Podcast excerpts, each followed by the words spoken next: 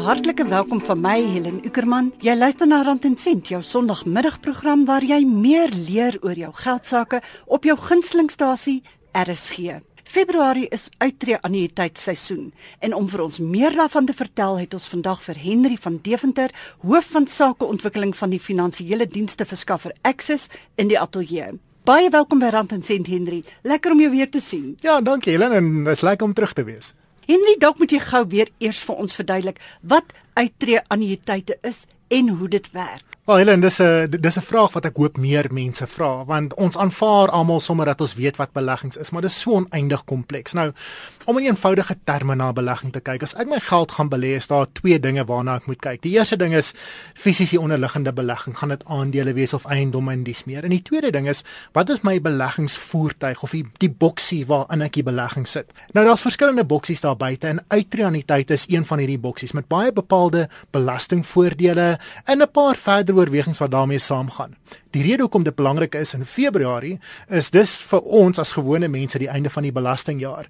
En daar is 'n paar belastingkortings waarop ons geregtig is as ons genoeg in uitreaniteite wil hê. So ons sal 'n bietjie meer gesels rondom hoeveel en hoe dit werk en presies wat daai voordele is. Wie behoort almal 'n uitreaniteit te oorweeg en van watter ouderdom af? Wel, en as by belegging kom dan het ek nog altyd gesê hoe vroeër mens begin, hoe beter. Dis nou maar net een van daai eenvoudige dinge. Albert Einstein het dit die saamgestelde groei die agste wonder van die wêreld genoem en met goeie rede. So hoe vroeër mens kan begin, hoe beter af is mens. En voordat mens na syfers kyk, egter wil ek kyk na die tweede vraag.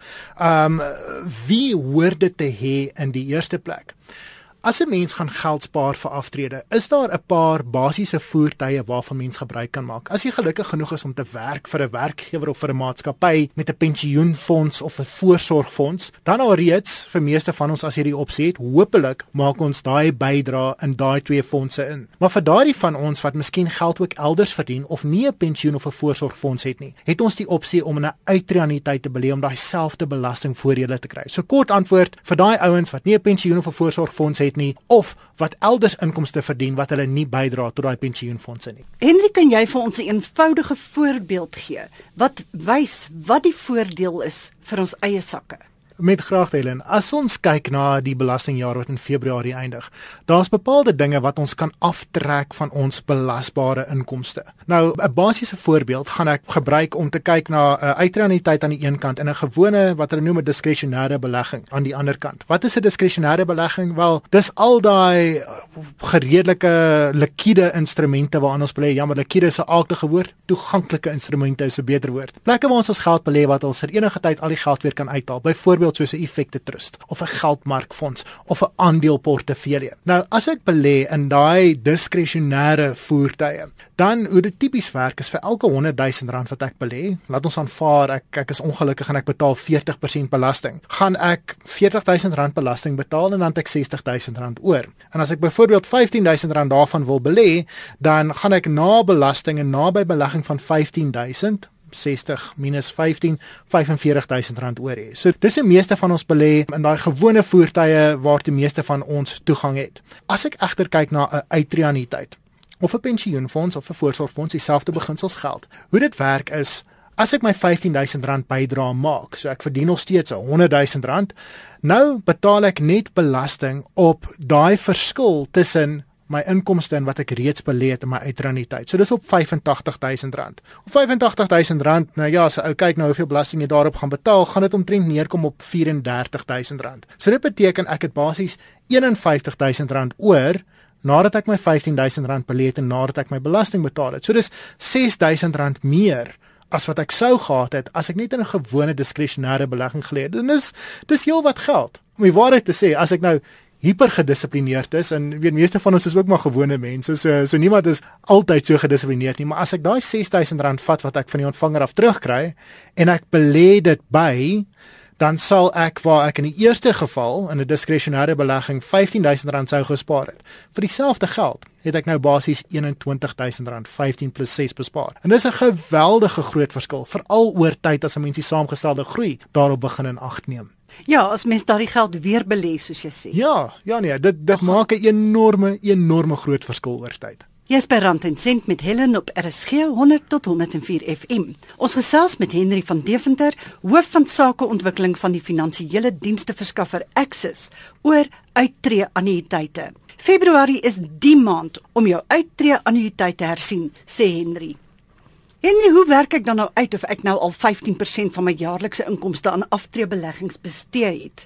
Is dit nou voorbelaste inkomste waarvan ons praat? Dit is definitief voorbelaste inkomste. En Ellen, meeste van ons as ons 'n nuwe posisie in 'n maatskappy vat, praat hulle van jou jou sogenaamde pensioenbelaste vergoeding. En dis gewoonlik daai syfer wat in ag geneem word vir doeleindes van 'n uitreaniteit of of vir 'n pensioenfonds. So 15% van daai voorbelaste som van wat ek verdien. Wat ek egter ook in ag moet neem, is enige verdere vorms van vergoeding wat ek ontvang, soos byvoorbeeld 'n reistoelaag of moontlike huurinkomste op 'n eiendom wat ek het of rentes wat ek verdien, miskien kommissies wat ek mag verdien deur die loop van my werk. En al daai inkomste tipies is uitgesluit by my gewone oorweging as dit kom by die 15% bydra. So as ek my werklike 15% wil bereken, dan is dit 15% op my salaris wat ek verdien plus dan 15% van wat voorbelasting van wat al daai ander bykomende inkomste mag wees. En asseblief praat met jou ouditeur of wie ook al jou belastingpersoon is wat jou belasting doen, hulle hoor vir jou 'n presiese idee te kan gee rondom wat daai som mag wees. En jy kan dan in daai uittreë annuïteit belê tot einde Februarie? Tot en met einde Februarie. Ja, mens moet uh, bewys kan indien by die ontvanger van inkomste dat 'n mens voor die einde van die maand daai belegging gemaak het en dikwels neem dit 'n paar dae om daai belegging te maak. So, ideaal wat 'n mens wil doen in die paar weke wat nou oor is voor die einde van Februarie, is jy wil seker maak presies hoeveel jy nog kan belê in 'n uitreaniteit. Hoopelik het jy 'n paar rand op sy daarvoor en jy wil daai belegging maak en nodige dokumentasie ontvang voor die einde van die belastingjaar. Twee weke klink lank, maar dit is nie regtig eintlik vreeslik lank as mens dink daarin nie. Wanneer is 'n mens te oud vir 'n uittreë aan die tyd? Op ouderdom 55. Alhoewel 55 is meer 'n historiese oorweging. Wetgewing is verander so 'n paar jaar terug wat basies bepaal het Jy kan aanhou belê in 'n uitraniteit vir so lank soos wat jy lewe. Nou dit klink miskien na 'n snaakse ding, want as ek byvoorbeeld pensioen trek, hoekom op aarde sal ek nog steeds geld wil belê vir uittrede? En ons sal later 'n bietjie gesels daaroor, want daar's 'n paar belastingoorwegings rondom boedelbelasting wat ook belangrik is. Maar ideaal wil ek 'n bydrae maak tot my uitraniteit, tot tyd en wyl ek die dag gaan aftree en dan gaan ek nou uit hierdie finansiële waardes en uit die die sogenaamde financial proceeds van die ding af gaan ek nou my pensioeninkomste begin trek en kan ek 'n gedeelte daarvan terugvat as kontant. Om te belê is gewoonlik nie verniet nie. Mens betaal 'n sekere gelde vir die administrasie van die fondse waarin jy belê. Hoeveel kos dit 'n mens? Hierdie goeders kan nogal duur wees. In in in Helen dis eintlik 'n geweldige interessante periode wat ons nou vind as dit kom by finansiële wetgewing in Suid-Afrika want histories het ons almal hierdie stories gehoor van polisse. Wees versigtig vir polisse en daar's 'n klomp adviseurs daar buite wat groot kommissies verdien wat nie noodwendig regverdigbaar is nie. Nou, wat ons gaan sien in Suid-Afrika oor die volgende paar jare is dat kommissies gaan wegval, maar dat adviseurs nog steeds 'n persentasie fooi kan hê. En my waarheid te sê, daar's baie adviseurs daar buite wat tans daai fooie hef eerder as wat hulle kommissie verdien. So, kom ons kyk gou vinnig basies na beleggingskoste, want vir meeste van ons gewone mense daar buite is beleggingskoste nogal 'n ding wat 'n mens kan uitvang as jy nie bitter versigtig is rondom hoe dit werk en wat die oorwegings daar rondom is nie. Daar's drie tipes kostes wat mens kan betaal rondom enige belegging. Die eerste een is die koste vir die adviseur self. Nou in uitreaniteite histories wanneer 'n uh, adviseurskommissies het, is daai kommissie tipies 3% maal jou maandelikse premie maal die aantal jare waaroor jy belê en dit kan 'n baie duur ding word. Een van die probleme rondom 'n kommissie gedrewe uitreaniteit is as jy net die dag wil skuif, sê dan maar ek is nie gelukkig met die maatskappy wat my uitreniteitsbelegging bestuur nie, dan neig hulle om al daai kommissies eers van jou beleggingssom te verhaal voordat hulle nou vir jou toelaat om die balans oor te skuif. Kan 'n baie duur proses wees. Dit maak meer sin om 'n vaste persentasie betaal, gewoonlik so tussen 1 en 3% van die aanvanklike beleggingssom en dan is daar 'n deurlopende jaarlikse fooi van so tussen uh, 0,5 en 1% per jaar. Die ander fooie waarvoor ek versigtig moet wees is die administrasiefooi. Ideaal wil ek nie meer as 0,5% per jaar as administrasiefooi betaal nie. En die derde fooi wat ek gaan betaal, is die fooi op die belegging self, die effekte trust of wat ek al binne in die uiternaliteit is. En weer eens, 'n redelike koste hier rondom is miskien tot en met so 2% of wat. Sodra ek meer as 2% per jaar begin betaal net vir die onderliggende beleggingsfondse, wil ek miskien versigtig dink want dalk kan ek beter doen elders. Is daardie gelde spesifiek vasgestel of kan ek beding vir die gelde wat ek gaan betaal? Daar's bepaaldes waarvoor jy kan beding en bepaaldes waarvoor jy nie kan beding nie. As jy by die adviseursfooi kom, uh meeste adviseurs is 'n bietjie soos 'n dokter of 'n prokureur deesdae. Kyk, Helen, ek moet vir jou sê as ek geld gaan betaal vir iets, wil ek baie mooi weet wat ek in ruil vir my geld gaan terugkry. So 'n goeie adviseur moet vir jou kan verduidelik wat die adviesproses is waardeur hy jou gaan vat, wat jy kan verwag in ruil daarvoor, wat die deurlopende advies gaan wees, hoeveel ure dit gaan neem per jaar om daai advies te verskaf en, en op daai manier kan hulle by 'n redelike fooi uitkom. Goedkoopste is nie altyd beste nie, want mense moet onthou die waarde van die advies. Ehm um, nou ja, weet as ek beter gaan afwees aan die einde van die jaar of as my adviseur my kan verhinder om 'n fout te maak wat my 1% per jaar gaan kos of as ek met my met behulp van my adviseur 'n beter kans gaan kry om my doelwitte te bereik, Al daai oorwegings vorm deel van 'n uh, argument in gunste van die betaal van 'n fooi. Met dit bygesê, as 'n meeste adviseurs kan vir jou verduidelik wat daai fooi is en kan tot op 'n punt afkom. Maar wees versigtig om nie vir die ou te gaan wat gratis en verniet advies gaan gee nie, want daai is waarskynlik die ouens wat onder die tafel deur die kommissie gaan terugkry. En as jy die fynskrif lees op jou kwotasie, gaan jy waarskynlik sien dat daai kommissies heelwat meer is as die fooi wat hulle andersins vir jou sou hê. Ja, ander twee punte vinnig. Administrasie fooi oor die algemeen is nie onderhandelbaar nie. So 'n mens moet maar 'n bietjie gaan rondshop en sien wat jy kan vind teen die mees bedingende pryse. So onder uh, 0,5% per jaar is goed. En die onderliggende beleggingsbestuursfooi, nou ja, daardie fooie neig om om redelik vas te wees. Uh nie teenstaande hoe groot die beleggingssom is wat hy ou gaan bydra nie. En ja, as mense gratis advies aanbied, maar dan later daardie koste vir die advies iewers ingewerk het en tog aftrek, is dit dan nie teen die verbruikerswet nie? Dit is nie teen die verbruikerswet nie, maar mense kan verstaan hoekom die wetgewer ongemaklik is met daai posisie. Kom ons gebruik 'n vergelyking. Ja, as ek vandag by die dokter se kantoor gaan instap en die dokter gaan en hy doen 'n diagnose en hy sit sy hartkloppie ding op my en wat ook al daai fancy mediese goeders is en hy gee vir my 'n voorskrif en ek sê vir hom, "Oké okay, dok, wat is die skade? Wat skuld ek jou?" En hy sê vir my, "Weet jy, Henry, Vir jou is dit gratis. Moenie worry nie. Die farmaseutiese maatskappy wat ek vir jou voorgeskryf het, gaan my betaal vir wat ek gedoen het. As dit die geval sou wees, sal ek bitter ongemaklik begin voel, want ek ek, ek gaan weet dat um, ek waarskynlik nie die beste moontlike medikasie gekry het nie. As 'n mens gaan kyk na die wêreld van gratis advies, die adviseurs van die eerste plek, niemand gee werklik gratis advies nie. Daar is 'n manier, weet of dit nou voorlangs of agterlangs is, waarop daai adviseur betaal word vir die advies wat hulle gee.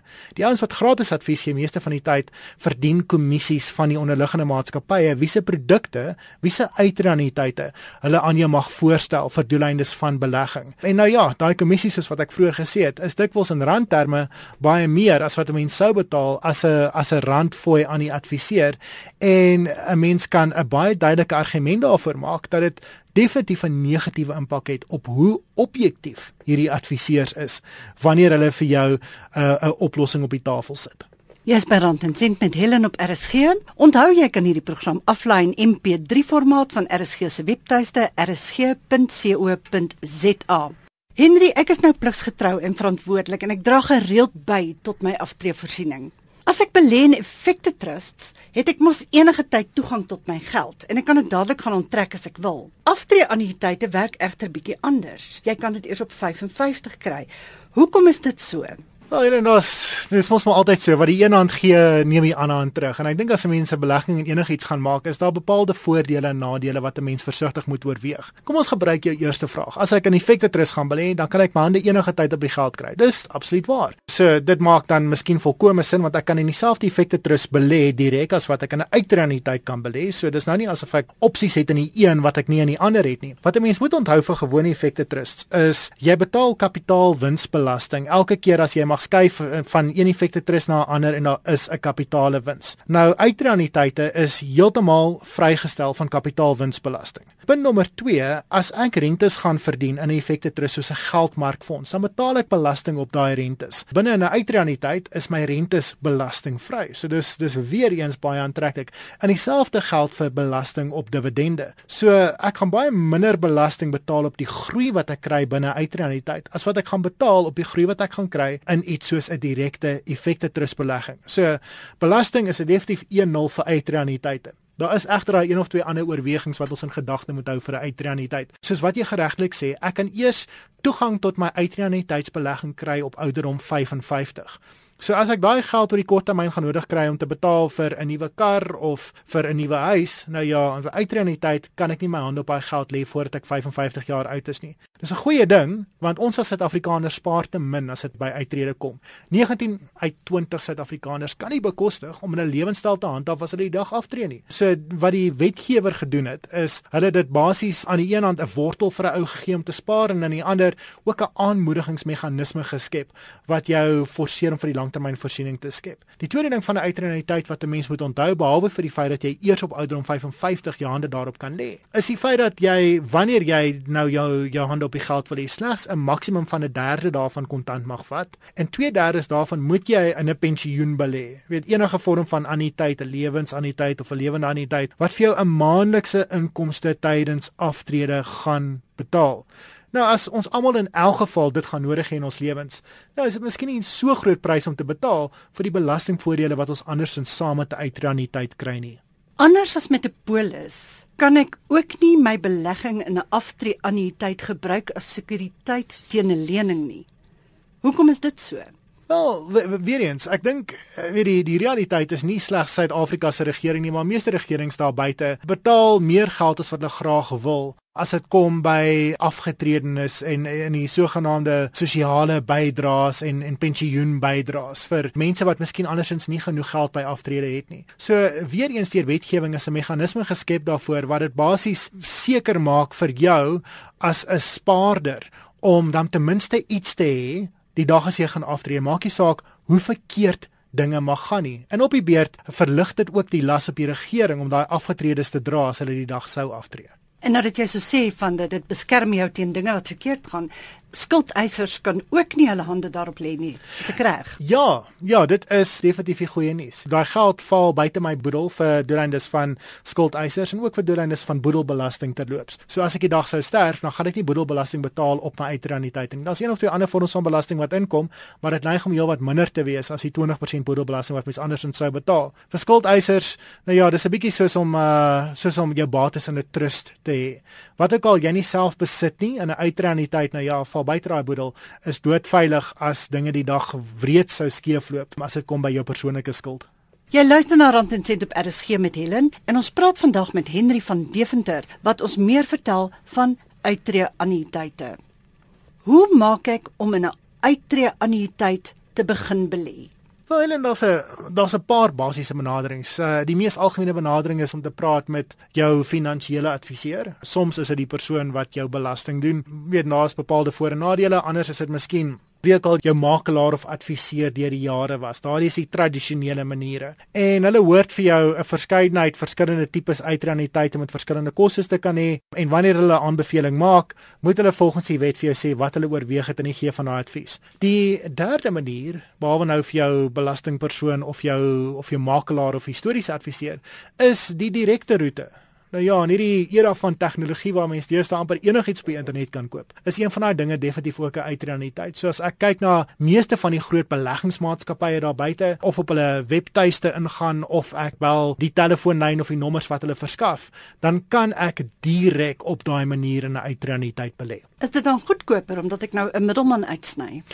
Ja, oor die algemeen is dit. Oor die algemeen is dit. So daai daai adviseurs fooi van tussen 1 en 3% wat jy in 'n jaar een gaan betaal en daai deurlopende fooi is nou skielik nie meer deel van die ding waarvoor ek betaal as ek kyk na my totale koste nie. Ek moet dit egter ook opweeg teen die feit dat dit deesdae 'n baie komplekse en moeilike ding is om my onderliggende beleggings te kies en te bestuur. Daar's meer as 1000 effekte trust daar buite in Suid-Afrika wat nogal snaaks is want daar's weet omtrent so 400 genoteerde aandele. So die kompleksiteit in die opsies is amper oneindig en en ek moet redelik seker wees dat ek my storie ken as dit kom by die keuse van daai beleggings want as ek direk op die internet of by 'n maatskappy daai beleggings gaan koop, mag hulle volgens wet nie vir my my sê watter effekte trus ek ek moet inbelê binne in daai uitreuniteite nie. En nou ja, as ek 'n verkeerde skies, dan uh, kan ek miskien in 'n heelwat slegter posisie eindig as wat ek sou gewees het as ek vir 'n adviseur die fooi betaal het vir meer gepaste advies. Baie van ons wil begin spaar. Maar baie van ons het ook maar net klein bedraggies beskikbaar om ten minste te begin met 'n belegging. Wat is die minimum en maksimum maandelikse bydrae wat 'n mens kan bydra tot jou aftrede in 'n uittreë anniteit? Helene, dit verskil van maatskappy tot maatskappy. So, so weer eens, dit, dit maak sin om rond te kyk. Sommige maatskappye is baie gelukkig daarna om te kyk na 'n minimum maandelikse belegging van 'n paar honderd rand. So so dis dis redelik laag en in baie van die groter maatskappye het miskien ietwat hoër limite. Maar oor die algemeen selfs al het ek net 'n paar honderd rand 'n maand wat ek wil belê, is dit 'n baie goeie plek om te begin. En as ek nie 'n paar honderd rand per maand het om te belê nie, weet dalk het ek skuld of op ander plekke waar jy nie geld was. Wanneer ons verhogings kry en dis vroeg in die jaar, so hooplik gaan verhogings kom oor die volgende maand of twee. Um maak so lank 'n commitment om 'n gedeelte van daai som op sy te sit vir besparing of vir die afbetaling van jou skuld en dan van daar af kan 'n mens dit net opbou oor tyd. Is daar 'n maksimum bedrag? Nee.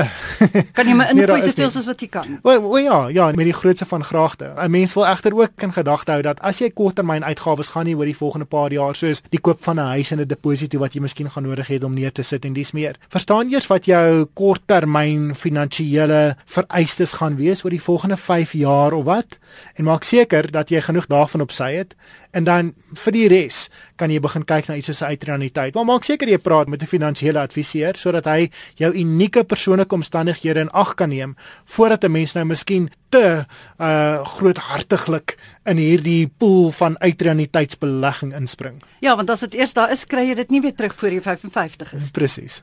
Henry Lastens, as iemand wat bedrywig is in die finansiële dienste bedryf, wat is jou 3 beste geldwenke vir ons luisteraars? Sjoe, wel, uh, ek ek bly nie vir my gevra wat die rand gaan doen nie, want want vir die algemeen is is is is dit die meer populêre vraag. Ek het gedink ek sal redelik weet. die drie mees algemene wenke. Begin spaar so vroeg as moontlik. As 'n mens byvoorbeeld spaar tussen die ouderdom van 20 en 30 en jy kry markverwante groei, gaan jy teen jou aftree ouderdom meer geld hê as wat jy sou gehad het as jy gespaar het van ouderdom 30 tot 55. Want dis net daai groei op groei op groei oor tyd. So begin so vroeg soos wat jy kan. Punt nommer 2, belê so aggressief soos waarmee jy kan saamleef. As ek my geld gaan belê, kan ek dit of aan die een kant belê in 'n geldmarkrekening of 'n bankrekening wat stadig vir my baie min groei gaan gee en na belasting en inflasie miskien geen groei gaan gee nie, of ek kan meer aggressief belê in eiendomme en aandele, 'n bietjie geld oor see. Verstaan wat daai risiko beteken? Laat jy adviseer vir jou mooi verduidelik wat dit beteken.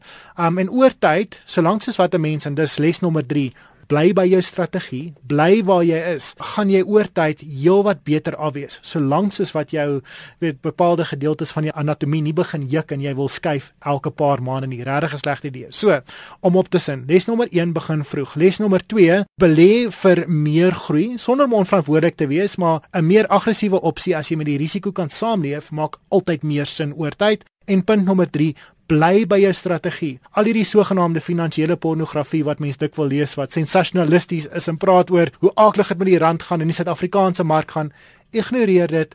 Kyk na die langtermyn en bly by jou plan. As mense met jou wil kontak maak, waar kan hulle jou in die hande kry? Wel, hulle kan my op Twitter kontak, my sogenaamde Twitter handvatsel. Dis dit die Afrikaanse vertaling vir 'n handle. Dit klink vir my reg. my Twitter handvatsel is @vennyvidiehenry. Dis V E N I V I D I H E N R Y. Vir daai Latynsprekendes, dit beteken ek het gekom en ek het Henry gesien. En uh, mense kan my ook op e-pos kontak as mens wil. Henry H E N R Y. van Deventer V A N D E V E N T E R access ACSI vir Indiaan s.co.za. Ek herhaal net gou op Twitter kan jy vir Henry kry by @winniewidiehenry en e-pos henry.vandevinter@access.co.za. Om my af te sluit, hier is Rand en Sent se kontakbesonderhede. Jy kan my volg en vra oor jou geldsaake of kleinsaake onderneming stel op Twitter by @HelenUckerman of op Facebook by Rand en Sent Helen Uckerman of jy kan e-pos stuur na helen.ueck@gmail.com. Dis dan totiens van my Helen Uckerman. Hou daardie beursie mooi dop in die week wat voorlê en volgende Sondag om 04:30 maak ons weer so.